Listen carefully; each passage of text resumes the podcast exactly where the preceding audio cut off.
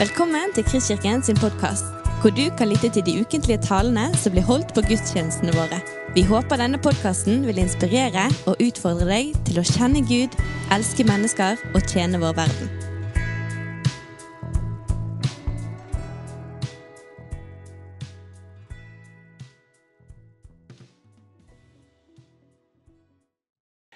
Eh, I dag er tema 'Når Gud endrer spillereglene'. Eh, Og ehm, det, det kan jo bli spennende. Vi får se om vi kommer til endes i undervisninga før han gjør det. hadde han sagt. Men eh, et, et spørsmål som jeg har med meg inn i dette, er er vekkelsens tid forbi. Mange sier det. Det går i debattspaltene i de nevnte avisene, og, og, mange konkluderer egentlig med at ja, det hører fortida til. Og mange, mange svarer ja, vekkelsens tid er forbi fordi folk i Europa forlater kirka i et betydelig tempo. Og, det er helt sant. Jeg har vært misjonær i Paris i syv år, eh, fra 97 til 2004. Og allerede på det tidspunktet så forlot 5000 mennesker kirka i Europa hver dag. Det er mye, det. Jeg visste ikke vi var så mange. holdt Jeg på å si. Jeg er ikke så god i matematikk, men eh, det er et betydelig tall. Andre sier at uh, det er ingen tegn på at det er vekkelse på gang. Folk har i enda mindre grad tid og rom for Gud i hverdagen. Det er ingenting som tyder på at vekkelsens tid er på vei. I pandemien eh, så brukte jeg en del av tida til å lese meg opp på de vekkelser som har vært. Lammersvekkelsen på Grenlandsområdet, Skien, Porsgrunn. Haugevekkelsen, Vegårshei, denne her lille bygda på Sørlandet. Sandnes, denne her store byen som Stavanger eh, ligger på sida. Eh, Vrådal, eh, Indre Kina, Kambodsja, Timor, Indonesia, Wales, hebridene. Konsentrerer meg veldig om å ikke si hybridene i disse tider. Men uh, ulike vekkelser som, uh, som, har vært. Og det, det, er interessant å se at det, det er flere fellesnevnere. Og en av de er at i deres samtid så var det ingenting som tyder på vekkelse. Heller tvert imot. Det syns jeg er en oppmuntrende på en rar måte eh, oppmuntrende ting i forhold til vår tid. Men i de sin samtid så var det ingenting som tyder på at å ja, ja, det var ikke rart det skjedde vekkelse i Wales. Det, det lå jo i kortene. Nei, absolutt ikke. Absolutt ikke. Så hvorfor skjedde det likevel vekkelse? Og hva kjennetegner Kirkas liv i vekkelsestider. Mange av vekkelsene brøt ut fordi Gud endra spillereglene. Og der er temaet. Et eksempel fra Bibelen er historien om den romerske krigføreren, hærsjefen Kornelius. I den første kristne tid hadde Peter og de øvrige kirkeledere, apostler som de òg kalles, ikke forstått Jesu ord om at de skulle være vitne i Jerusalem, i Judea, i Samaria og helt til jordens ende. De hadde rett og slett ikke forstått det. I de sin univers så var det eh, et oppdrag som handla om å nå folk av jødisk bakgrunn. Og så endrer Gud spillereglene. Først med å sende en engel til Kornelius. Og du må se for deg Kornelius. Han er hærsjefen, han er romer, han er blant okkupantene. Um, og så, så, tror han på Bibelens Gud. Han, han, ber til Bibelens Gud. Og En av dagene så, så, går han rundt i huset sitt. Han strekker antagelig hendene, uh, hendene opp og, og, og, ber til denne uh, Bibelens, universets skapelsen Gud. Og så Ah! Oh, plutselig så står det en engel rett foran henne. Og ah! Det kan du Fytti grisen! OK. Og så sier engelen Kornelius, eh, du må sende noen folk til denne byen, til huset nærme sjøen, og spør etter Simon. Wow! Det er ganske presis profetisk innsikt når vi først snakket om det profetiske. eh, og det dere skal lære mer om i morgen, det er enten rett eller galt. Og det, det, er ekstra spennende når du får profetiske ord som er i den kategorien. og Jeg blir vettskremt. Det er liksom oh, OK, jeg gjør det likevel. Og så, så, lærer vi mye av det. Men, men det, eh, send folk til den byen, til det huset nede med sjøen. Spør etter Simon. Og så, samtidig i det huset, så er Simon Peter blitt sulten. Og eh, i hvert fall oss mannfolk kan gjenkjenne det, at når du først skjønner at du er sulten, så haster det litt. Så han ber vertskapet der han bor, om å lage mat. Og Jeg ser for meg dette her Midtøsten-kjøkkenet. De, de, de, har den store gryta, de begynner å putte oppi ting. Og det, og det begynner å lukte så sinnssvakt deilig. Og Dette står ikke i bibelteksten i Apostelens gjerninger 10. Du du kan lese den når du kommer hjem og, og se at det meste av det jeg nå kommer til å si, står der. Men det, det står ikke helt det som det at Men, men jeg tror at han, han, han var så sulten, og det lukta så godt godt at han gikk opp på taket. Lengst mulig vekk fra kjøkkenet. Det var litt på ettermiddagstid. Eh, antagelig utsikt utover, utover sjøen. Eh, og eh, bare rett og slett for å vente på at maten skulle bli klar.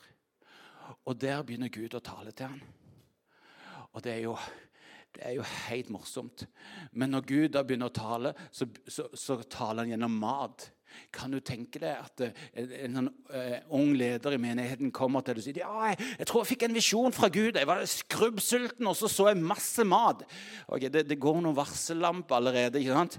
Men, men, det er faktisk det som skjer. Han får se en visjon av en stor duk som kommer ned med masse forskjellige dyr. Her er det mu og bæ og voff, voff. Nei, jeg tror ikke det er voff, voff. Men det er litt forskjellige typer dyr, og en stemme som sier drep og spis. Alle dere som er vegetarianere, der røyk hele den bibelske fundamentet for det. Drep og spis.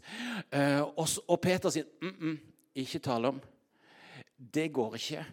For her var det flere dyr, antagelig nøff, nøff og litt sånn, som, eh, som var ikke lov å spise. Det var ureint. Så Peter sa kommer ikke på tale. Jeg kan ikke spise det. Og så sier stemmen, Peter, det Gud kaller rent, det har ikke du lov til å kalle ureint. Og så, shup, så går uh, duken opp til himmelen, og så shup, Det er forskjellig lyd på opp og ned her. Det, det står heller ikke i Bibelen.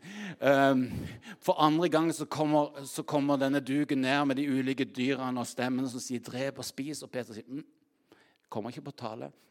Ifølge min tradisjon, ifølge den tro jeg har fått, så, så kan jeg ikke det. Da blir jeg urein. Og så sier stemmen igjen Det Gud kaller rent, det har ikke du lov til å kalle ureint. Og så, og så og Tredje gang igjen det samme. Ikke tale om Peter, det Gud kaller rent, har ikke du lov til å kalle ureint. Og så forsvinner det opp.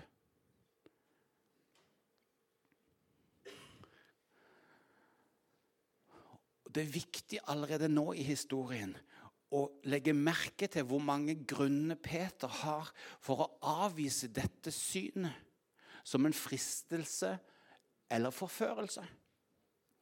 Han er sulten, som nevnt, og synet handler om mat. Allerede der går det noen varsellampe i eh, Eldsterådet i Kristkirka. Og synet, sånn, sånn, som han ser det, eh, går på tvers av det han tenker er bibelske sannheter.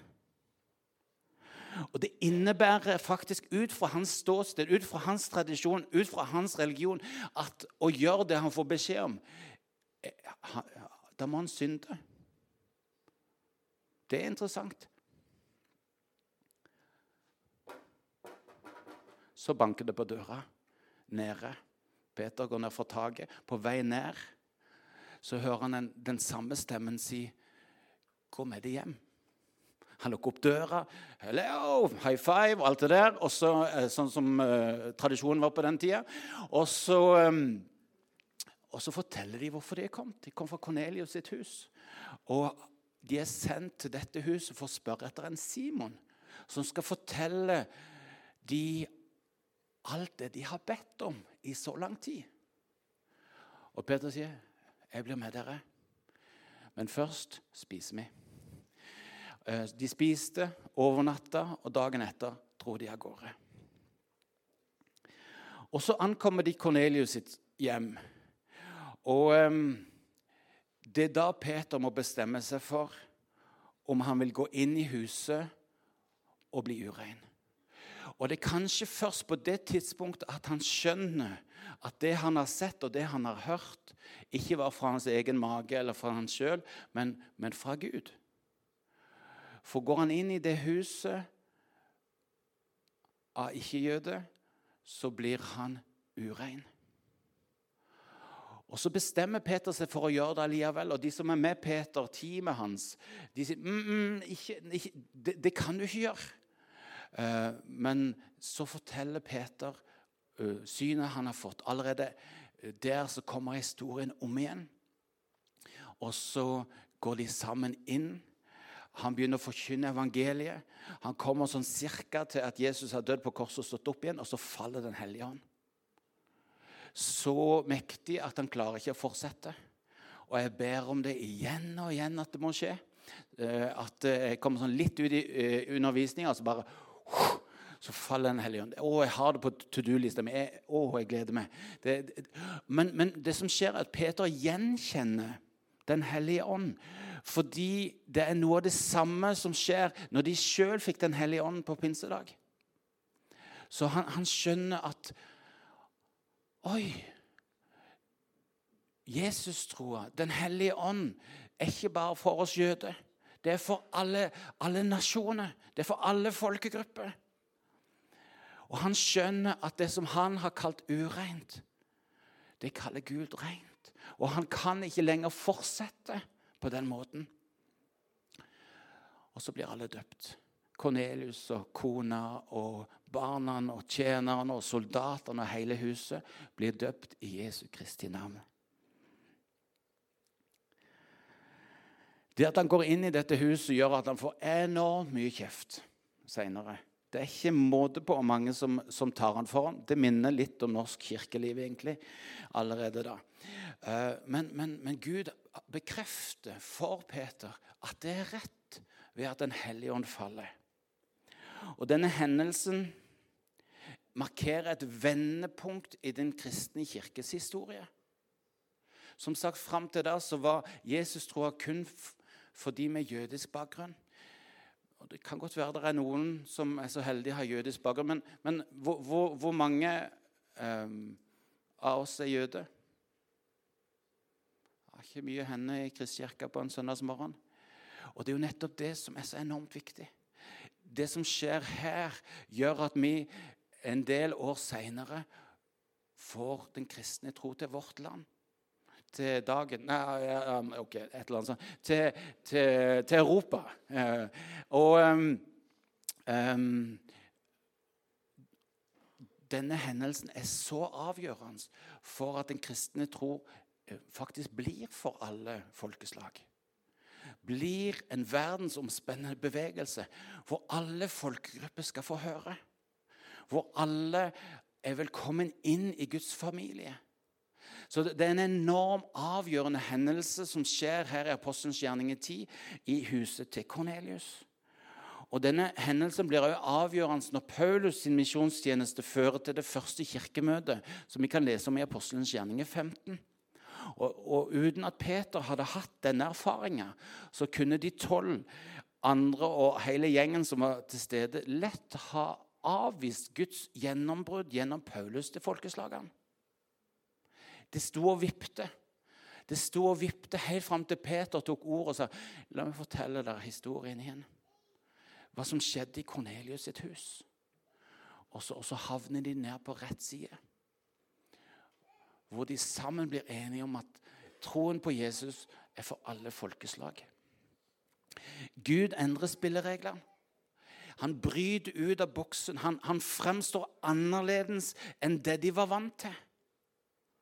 Og det er tankevekkende at det skulle så lite til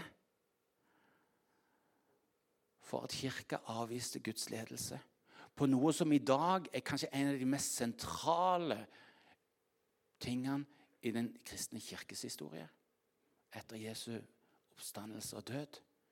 en av de mest sentrale hendelser holdt på å bli avvist med liten margin. Det er tankevekkende. To og to og tre og tre, der som du sitter. På, på hvilken måte er dette viktig for oss i dag å lære av? Kjør debatt. Og du som hører det på nettet, uh, kjør debatt med deg sjøl. Eh, på hvilken måte er det som vi hører fra Kornelius' hus, og det som skjer, viktig for oss i dag? Et lite minutt sammen.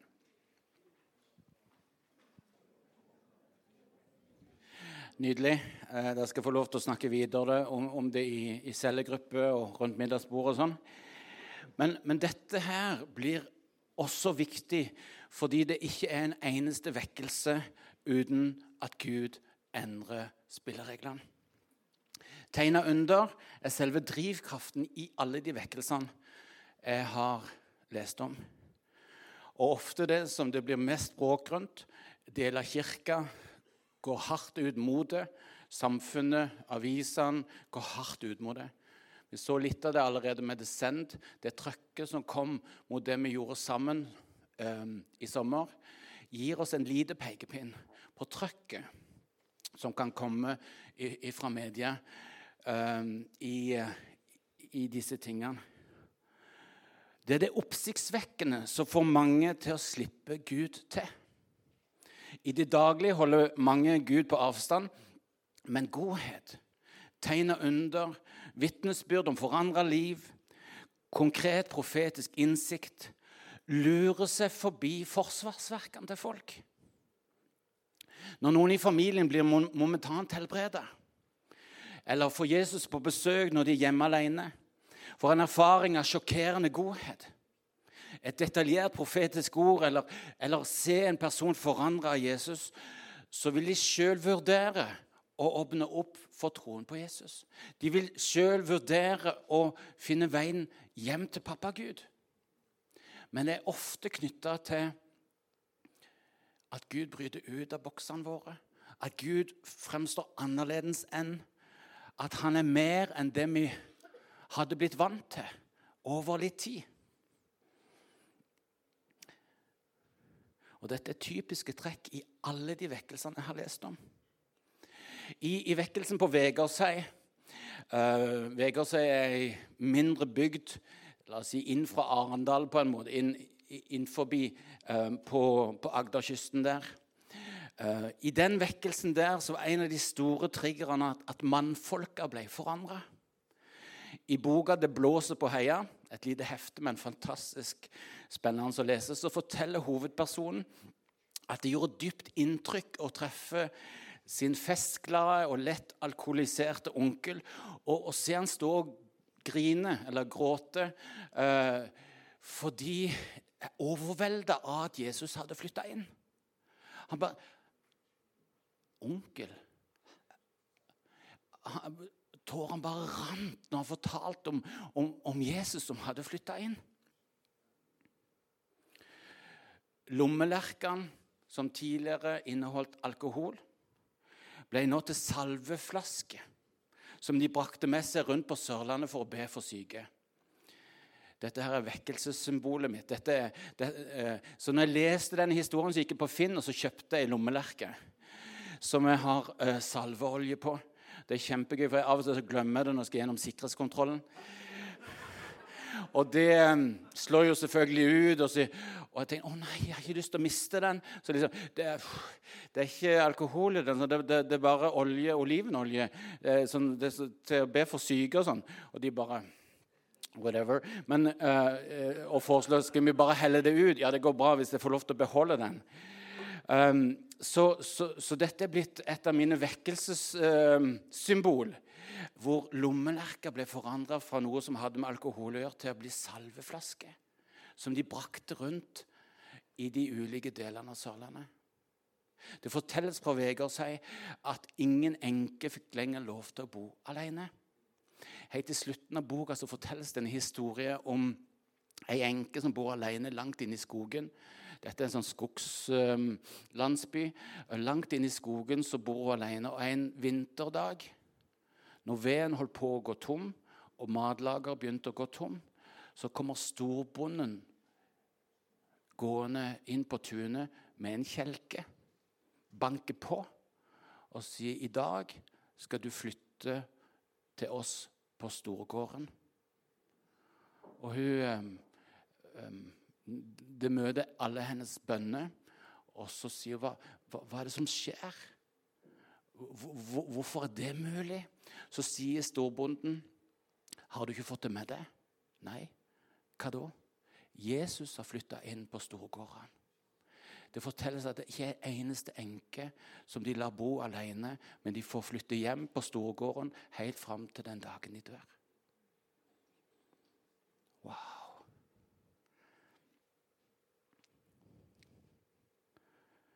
Forandra liv.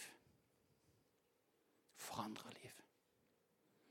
Når Gud endrer spillereglene, så kommer det ofte forandra liv som gjør noe med et helt samfunn. Vrådalsvekkelsen, som da ligger i, i, i Telemark, sier at 40% av bygda kom til tro under den vekkelsen. Men mye av det skjedde gjennom ei dame som datt i transe igjen og igjen. Jeg sa ikke det til deg, men Peter gikk òg i transe på toppen av taket, så det er bibelsk sånn sett. Men, men hun bare datt ut eh, og var vekke lenge. Og nå kom tilbake, så hadde hun profetisk innsikt om ting hun ikke visste noe om. Enormt fascinerende, enormt ut av boksen, og det rører med intellektet vårt så enormt. Men det førte altså til en vekkelse som forandra bygda. En annen ting som så, står sentralt i vekkelsene, er, er bønn. Eh, I Eldsterådet i IMI eh, så har vi en fyr som heter Nils Einar Halleraker, pilot i SAS. og I sommer så snakket han om vekkelsen på hebridene. Du kan høre den talen på imikirka.no. Fantastisk interessant. Um, Wesley Duell skrev en bok fra den samme vekkelsen som heter 'Beveg verden ved bønn'. Og Der fant jeg en historie som er uhyre interessant. Han skriver to eldre kvinner i landsbyen Barvas på øya Louis. Jeg har ikke peiling på hvor, hvor det er. Det, det, det er antagelig et bitte lite sted. De begynte med kveldsbønnemøte, de to damene, hvor de var enige om å be om vekkelse på stedet. Kveld etter kveld så ba de til Gud. Etter flere måneder så begynte noen unge menn, uten at kvinnene visste om det, å møtes hver kveld i andre enden av landsbyen for å be om vekkelse. Og Mens kvinnene fortsatte å be, så åpenbarte, de, åpenbarte Gud at de skulle invitere pastor Duncan Campbell den utrolig kjente Duncan Campbell, som alle har hørt om igjen, eh, og at han skulle komme fra fastlandet i den grad du kan kalle Storbritannia et fastland, over til Barvas. De skrev brev, som se hører bør på den tida, og uh, inviterte han, hvorpå pastor Campbell svarer at det kan jeg dessverre ikke, for jeg har lovt så mye annet. Når de to eldre damene fikk brevet, så skrev de tilbake og svarte du sier at du ikke kan komme, men Gud sier du kommer. Du, du, kan si det sånn at både taleren og Gud kom til øynasjonen og forandra hele samfunnet.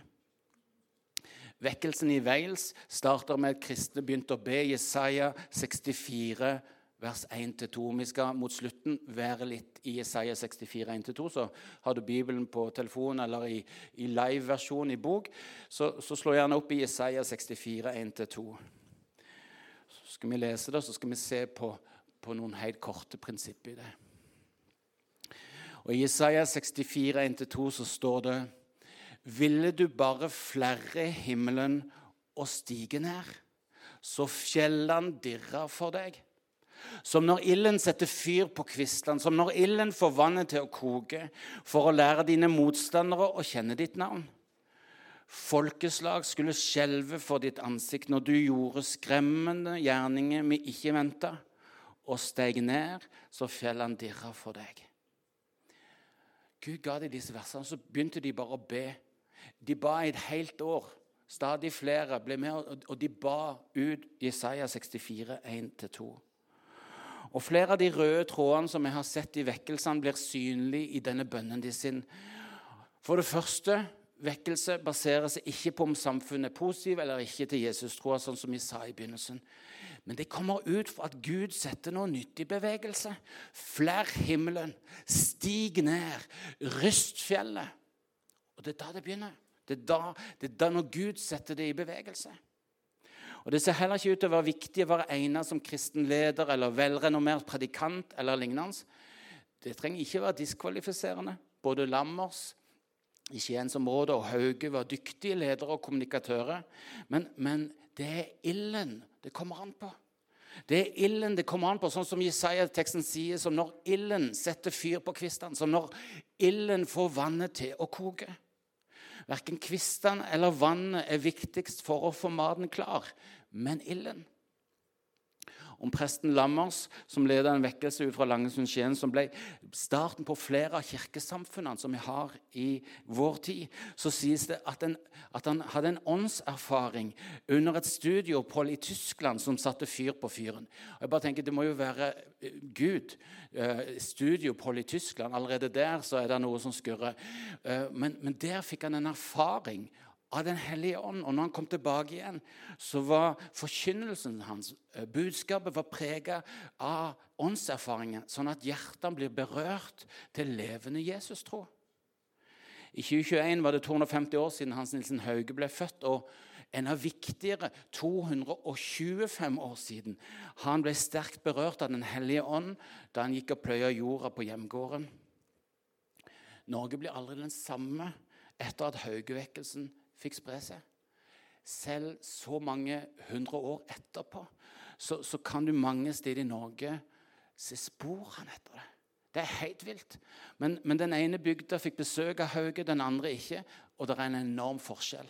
Dirdal i Rogaland versus Oltedal, som ligger litt, sånn, litt lenger ned i dalen, er enorm forskjell. Den ene hadde Hauge på besøk, den andre ikke. Satte dype spor. I Hauges testamente så har han gitt sine etterfølgere ti råd. Og Jeg var på Haugemuseet eh, på, på, på, på, besøk i Østfold. og Der fant jeg det lille heftet som er testamentet hans. Et eh, ti råd til sine etterfølgere. Jeg, jeg merket at oi, jeg ble nysgjerrig på råd nummer én. Hva, hva var det Hauge i slutten av sitt liv ga videre til sine folk? For når jeg hørte på alle kirkelederne i 2021, så, eh, så ga det grunn til å tro at der sto Guds ord. For han sto jo på Guds ord, og det veldig mange av, av vår tids ledere sa at det var grunnen for. Og jeg tenkte mm, det er ikke feil, men jeg lurer på om ikke det, det er ikke helt rett. Så jeg var utrolig spent når jeg bladde fram. Og helt riktig og heldigvis, punkt nummer én var å bli fylt av Den hellige ånd. Det var jo der, det var det som forvandla Hauge. Og punkt nummer to blir fylt av Guds, Guds ord. Er, motfor, det er ingen motstrid der. Men det er vesentlig. For skal Guds ord forvandle, så må det gå gjennom Den hellige ånds kraft. Og det er det, det Hauge erfarte. Han brukte 14 år fra han hadde sin åndserfaring, til han klarte å skrive det ned. Og Når du leser den beskrivelsen, så dirrer det ennå 14 år etter han, han hadde erfaringer. Mora trodde han var gal, for i to dager så lå han egentlig sånn knocked out eh, under uh, Guds kraft. Og, og, det er viktig for oss å legge merke til den rekkefølgen. Uten at det, Hør meg rett, setter det ikke opp mot hverandre. Men jeg merket meg i 2021 at det var en hel haug som, som glemte ut den første, og hold fast bare på den ene. Videre så sier bibelbønnen som preger Wales-vekkelsen, noe viktig om fokus. For å lære dine motstandere å kjenne ditt navn. Tenk deg å få gå fra motstander av Kristus til å kjenne hans navn. Et nydelig bilde på det å, å bli frelst og bli disippel av Jesus. Legg merke til det verdensvide fokuset. Folkeslag skulle skjelve for ditt ansikt. Dette var langt utover Wales. Den bønnen de ba, handla mye mer om lokale forhold, den lokale menighet, den lokale by og landet. Det handla om, om folkeslagene. Flere av oss har vært på Unådd-konferansen her i Bergen denne helga. Uh, var det bra? Ja. Der er plass til flere, hører jeg. Um, men uh, 7400 unådde folkegrupper gjenstår. Og vi samla altså 35 misjonsorganisasjoner i Bergen denne helga. Noe som egentlig er helt vilt og helt unikt. At så mange forskjellige finnes sammen med ett fokus. Fra Det norske misjonsselskap, Nordmisjon, Misjonssambandet til langt ut i pinsebevegelsen. Kommer sammen med ett fokus om å nå de unådde. Og Disse 35 organisasjonene har en bønneportal som du kan finne på unådkonferansen.no. Eh, og Så langt har vi identifisert at vi som Misjons-Norge står tett på 184 unådde folkegrupper. Det er innenfor rekkevidden når norsk misjon begynner å bevege seg samla, at vi tar bort 184 unådde folkeslag de neste årene. Og det gønner vi på, for det, det kjører vi på. Det har vi tro for vi skal klare sammen. Folkeslag skulle skjelve for ditt ansikt. Det lå i denne bønnen ifra, ifra Jesaja. Og så um, avsluttes bønnen med 'Når du gjorde skremmende gjerninger vi ikke venta'. Og Da er vi tilbake til temaet med Gud som endrer spillereglene. For av og til, når Gud kommer med vekkelse, når Gud setter ting i bevegelse, så kan det til og med oppleves skremmende. Fordi vi over så lang tid har blitt vant til Gud på begrensa måte.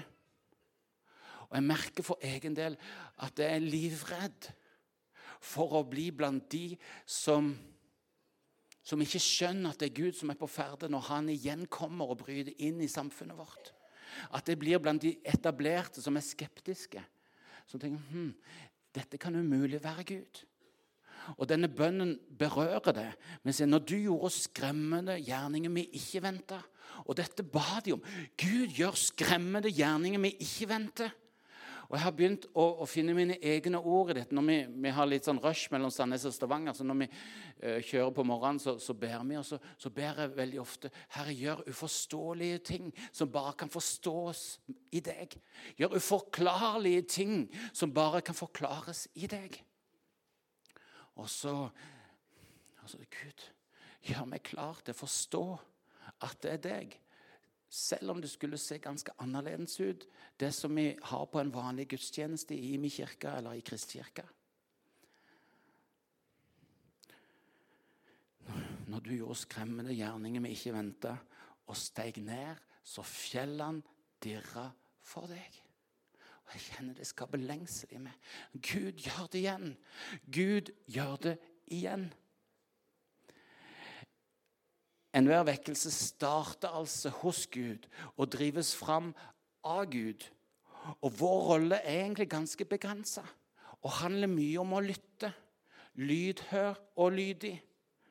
Og la Gud lede an. Vekkelse er egentlig ikke så vanskelig hvis vi bare vet å følge, følge med og følge etter. Hva gjør du nå, Gud? Blir et av de viktigste spørsmålene vi kan stille oss som Guds folk i dag. For det er ikke så ofte at Gud kopierer vekkelse. Jeg har ikke lagt merke til noen, men jeg har ikke full oversikt. Eh, i det hele tatt. Men jeg har ikke sett at han har kopiert noen vekkelse. Og når vi leser i Det nye testamentet, når Den hellige ånd utøses, så er det på stadig nye måter. Eh, han, denne ildtunge greia, den, den kommer ikke igjen. Det, jeg tror ikke det var det som skjedde hos Kornelius, at Peter sier ah, ildtunge. Eh, det, det, var noe annet som var gjenkjennbart, men det var ikke nødvendigvis de ytre former det kom med. Det var ikke nødvendigvis, det var due sånn som når Jesus fikk Den hellige ånd. Og dua kom ikke tilbake når disiplene fikk Den hellige ånd. Litt seinere, når Den hellige ånd kom over dem, så skalv huset. Det er kult. Det er stilig. Men, men, det kan veldig godt være at han gjør det på helt ny måte i det neste sesongen. Hvordan vil du lede oss denne gangen, Gud? Hva bibelvers vil du gi ditt folk i dag? Ikke sikkert han, Jesaja 64 eh, er det vi skal be. Men Gud, hva vil du vi skal be? Hva, hva skal vi be eh, før vår vekkelse kommer?